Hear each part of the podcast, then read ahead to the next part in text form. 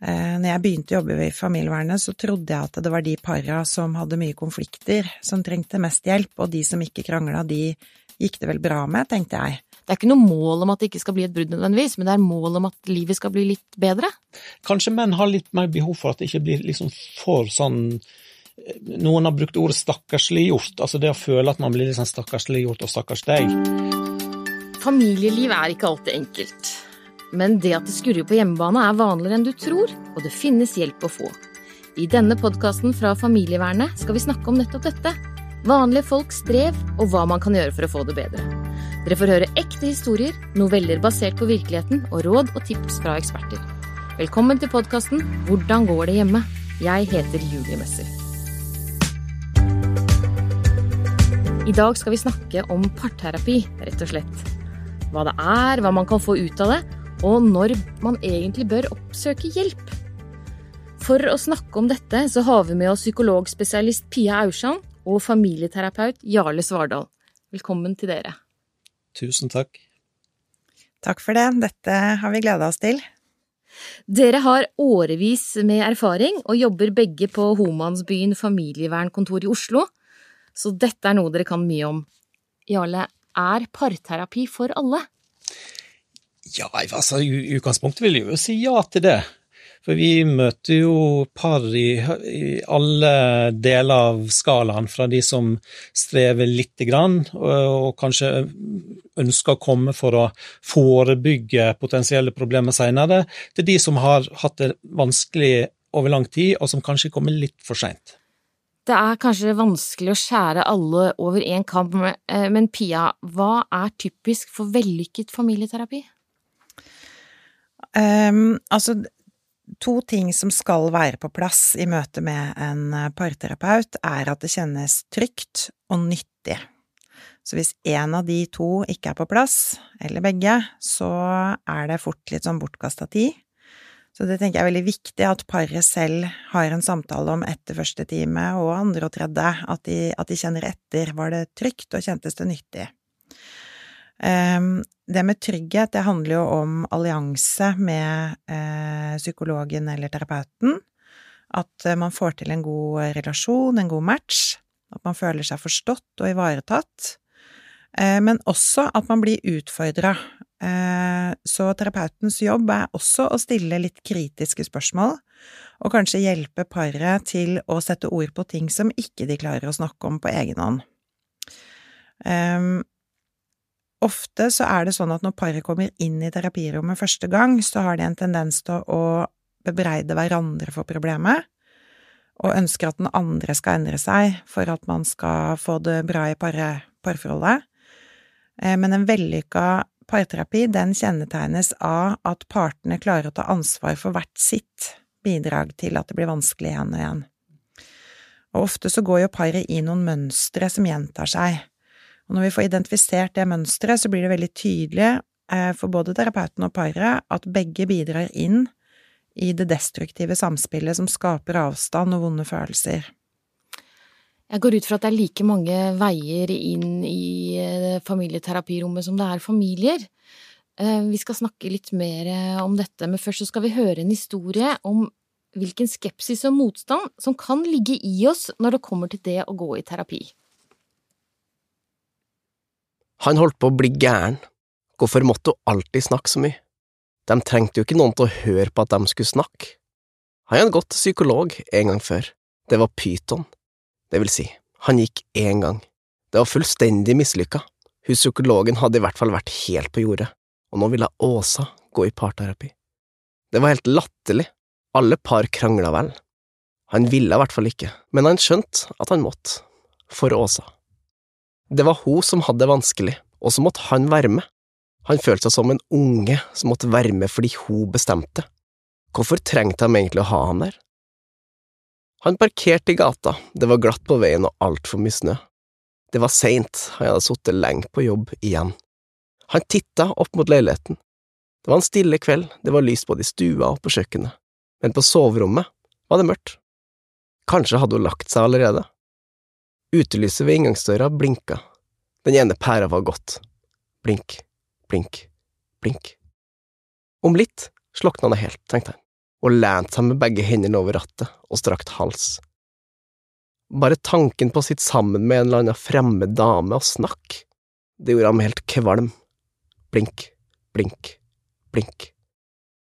Så slo det ham, tenk om hun ikke ville mer, tenk om hun seriøst ville gå fra ham. Broren hans hadde vært skilt for flere år siden.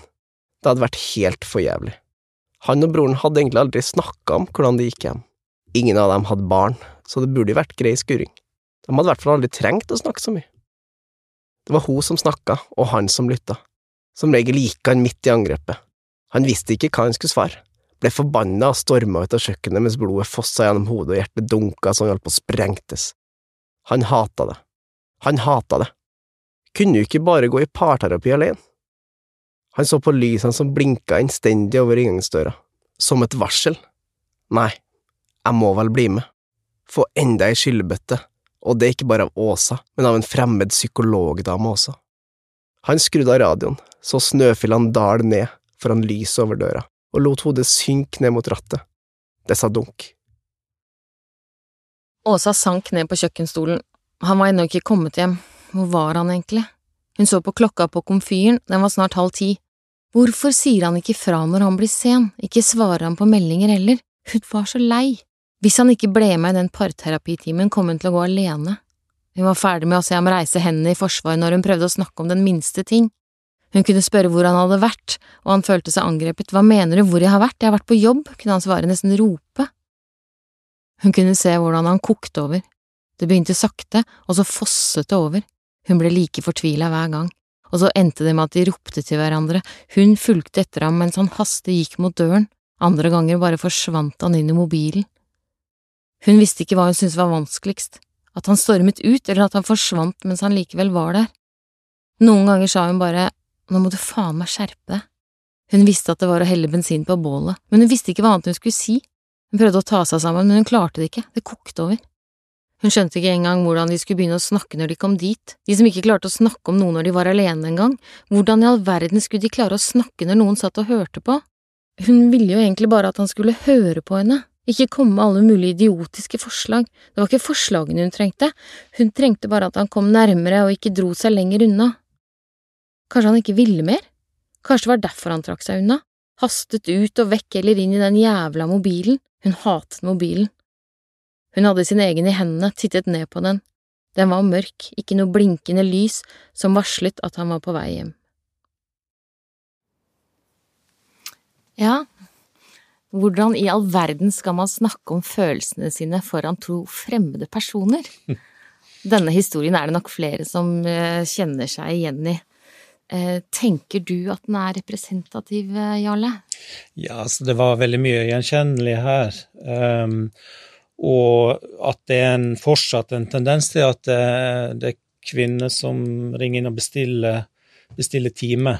Um, men når vi sjekker ut uh, når paret kommer til første time, og hvilken motivasjon de to partene har for å komme i parterapi, så er det nok en endring og kanskje et litt sånn generasjonsskifte. At det, Eh, det er, en, det er, nok en, i større grad at begge er mer innstilte på å gå i parterapi enn det kanskje var før, eller de litt eldre eh, parene, for å si det sånn.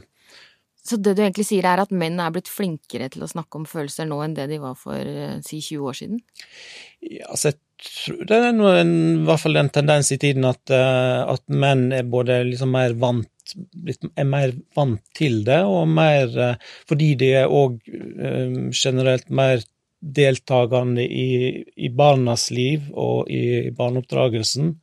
Um, og, og, den generelle likestillingen i, i, samfunnet vårt har nok bidratt til at menn er mer på banen, og, uh, og blant liksom, kamerater og venner kanskje mer vant til å snakke snakke om følelser enn det hva skal jeg si, det min generasjon eller min foreldregenerasjon uh, har vært vant til. Og så er det jo litt avgjørende òg hvilken familiekultur kommer man fra.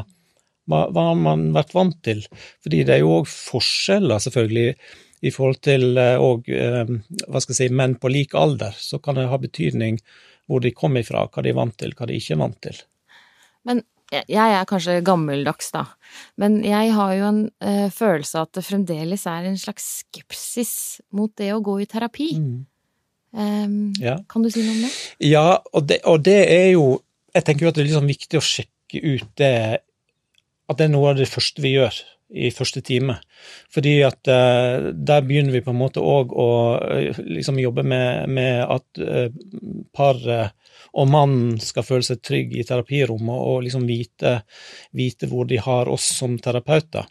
Sånn at for å liksom få til et liksom godt, godt, samarbeid, så tenker jeg liksom avgjørende òg å, å, å spørre spør liksom hva, hva, om, var dere enige om å, å, å, gå i parterapi, eller liksom hvordan, hvordan var det før dere liksom tok steget? Og da kan vi jo, kan det jo komme fram at det er noen ganger litt sånn ulik grad av eh, innstilling til det å komme i, parsamtale. Og, og, da syns jeg det liksom også er viktig å spørre videre liksom hva den skepsisen handler om. Og det er jo det er nok fortsatt at hvis en av partene er skeptisk, så er det som regel mannen. Det, det syns jeg vi på en måte kan, kan si. Det, men det da jobbe, bruke, altså gå litt inn i det med en gang, det gjør veldig mye for fortsettelsen og for hele prosessen. Og da er vi jo egentlig inne i liksom kjernen av hva denne podkasten skal handle om. Fordi eh, vi skal jo prøve her å dele historier, men kanskje særlig gi tips og triks og råd til hvordan familier kan få det bedre. Pia, kan du fortelle litt om hvorfor folk bør oppsøke familievernkontoret og åpne opp døra for å gå i parterapi? Ja, altså eh, en åpenbar eh, grunn er jo at folk gjerne vil bevare sine nære relasjoner. Eh, vi vet jo at det er mange par med barn som går fra hverandre, men de færreste ønsker jo det. Og ofte så tar par enten kontakt fordi de kjenner at ikke vi er på lag, og krangler veldig mye, eller de tar kontakt fordi de kjenner at det er litt dødt, at det er litt avstand. Når jeg begynte å jobbe i familievernet, så trodde jeg at det var de para som hadde mye konflikter, som trengte mest hjelp, og de som ikke krangla, de gikk det vel bra med, tenkte jeg.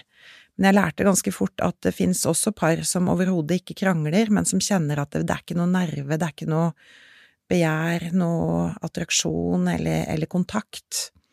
Så enten hvis paret kjenner at nå lever vi ganske parallelt, eh, sånn følelsesmessig, eller hvis det er veldig mye konflikter, eh, så er det en god grunn til å oppsøke parterapi. Eh, og det er klart at i møte med et annet menneske som du lever sammen med og har barn med, så vil det oppstå mye friksjon og uenighet. Og det er også en kilde til utvikling.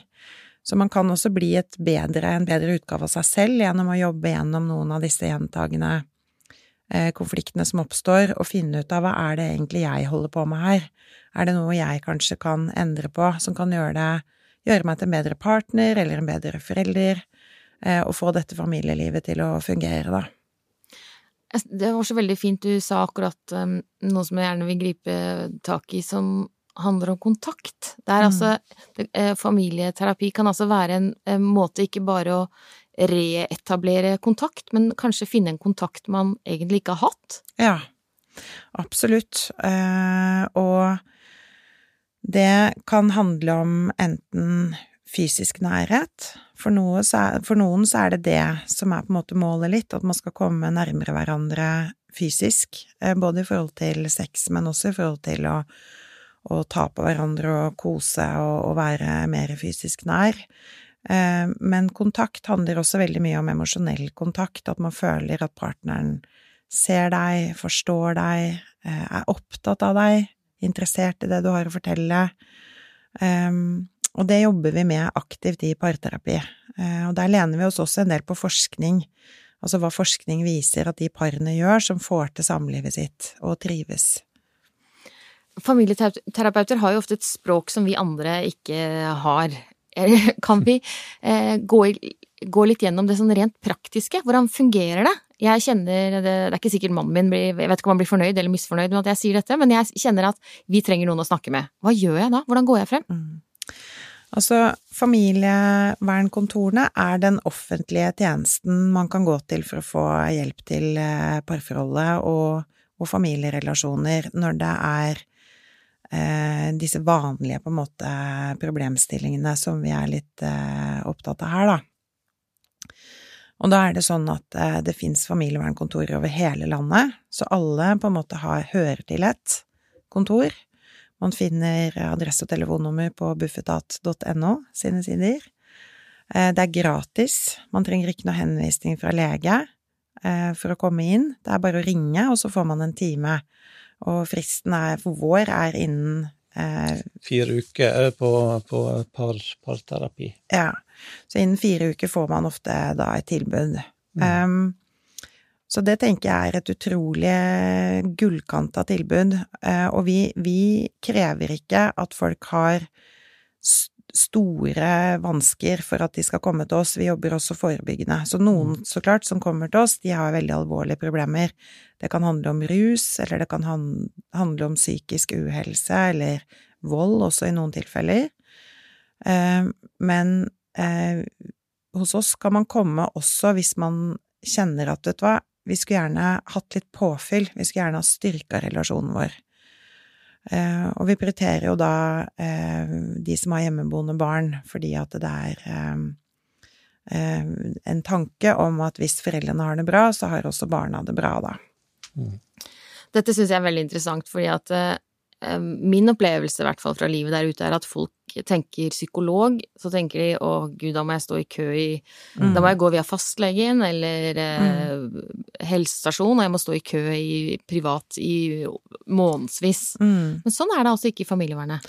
Nei, det er det ikke. Og det er ganske unikt, eh, faktisk, eh, til og med i Norden. Det, det finnes ikke noe tilsvarende tilbud i andre land, og heller ikke i de nordiske landene. Det, så det, det, er veldig mange fra andre land som blir litt sånn Jøss, for et, mm. tilbud dere har. Altså, mm. Det er jo helt fantastisk at det finnes en sånn tjeneste, mm. og, det, og, det, er det jo faktisk.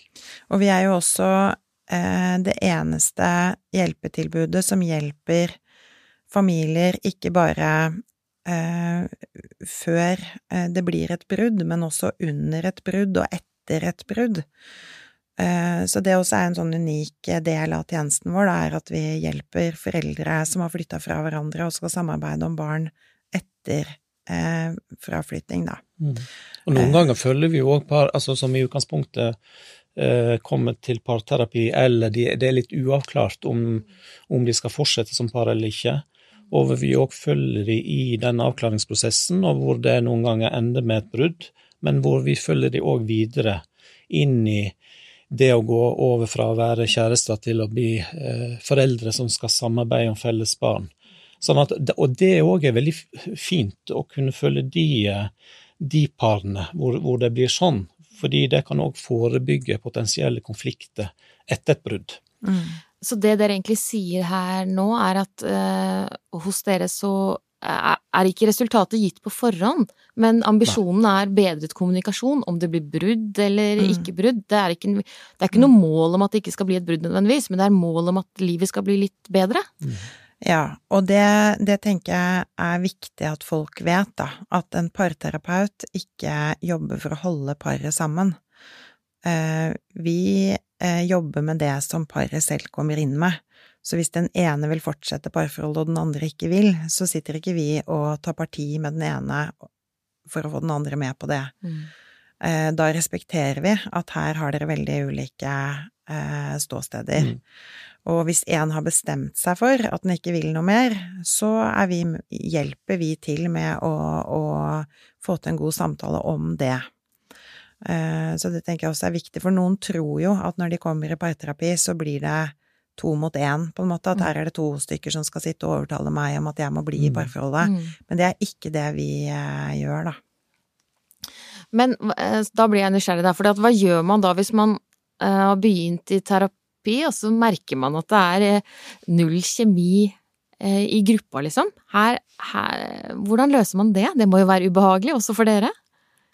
Ja, altså um, det er også bortkasta tid, eh, ikke bare for paret, men også for terapeuten. Hvis ikke det er match, så vil det på en måte ikke funke videre, men det tar ofte ja, én til tre timer å finne ut av om det kan bli en, en god Mm. kjemi, da. Sånn at vi, vi anbefaler jo folk å gi det litt tid før man bestemmer seg for å kaste terapeuten. Mm, mm. Men vi som er terapeuter, vi forholder oss profesjonelt til det. Vi er vant til at eh, vi ikke klarer å, å møte alle på en god måte med den personligheten vi har, og den terapeutiske stilen vi har. Mm. Og noen ganger så ønsker folk seg noe som ikke vi kan tilby ut ifra det repertoaret vi har. Mm.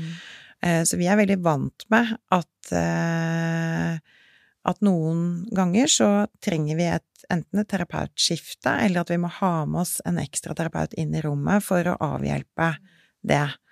Eh, Og det tar vi profesjonelt imot. Det er ingen terapeut som blir lei seg eller sint hvis man sier at vet du dette kjennes ikke ut som at det funker, vi føler oss ikke helt forstått, eller det kjennes ut som at det du gjør ikke matcher det vi trenger.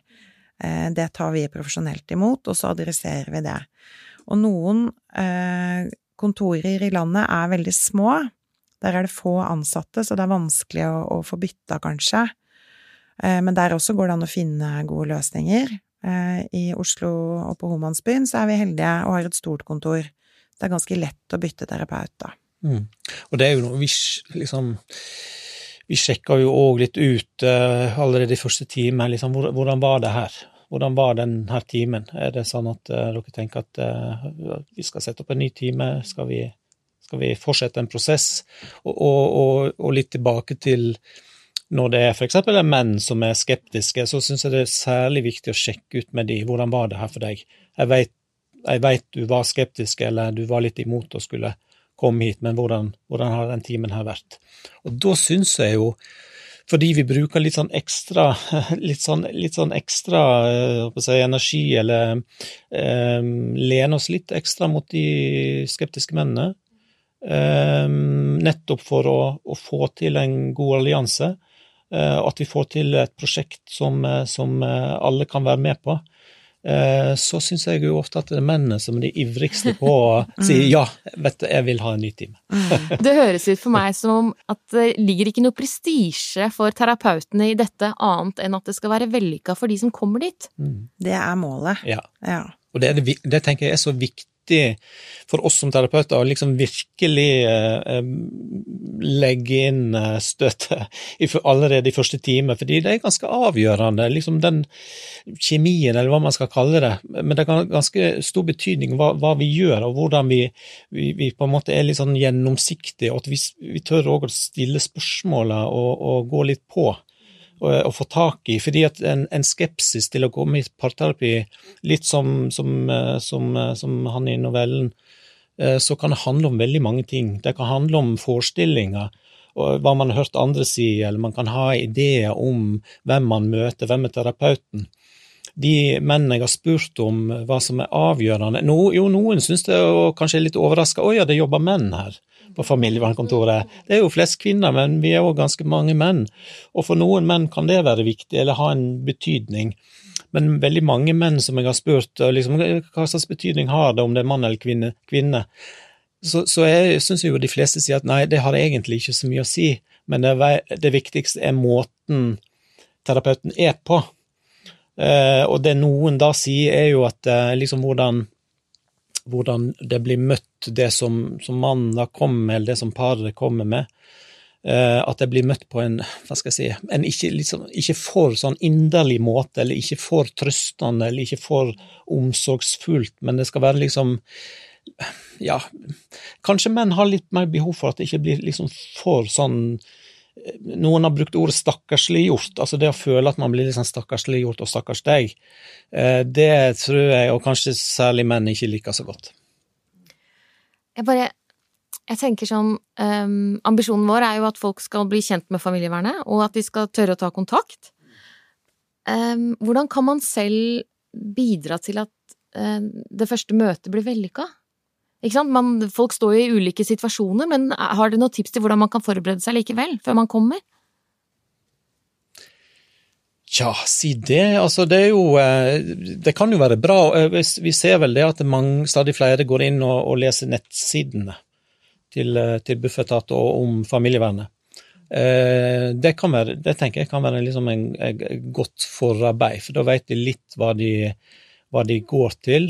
Eh, og så kan det være bra, og det ser vi jo òg ofte, at det skjer gjerne en endring i parforholdet allerede eh, fra det tidspunktet de har bestilt time. At det, det, de begynner å snakke sammen, og de begynner å forberede seg. Sånn at det, eh, mange par, når de kommer til første time, kan allerede da fortelle om positive endringer, at de har fått snakka sammen om viktige ting, og på en litt annen måte enn tidligere. Sånn at, eh, sånn at terapiprosessen begynner fra de bestiller timen. Så bare det å rydde tid til å snakke sammen gjør at prosessen starter for mange?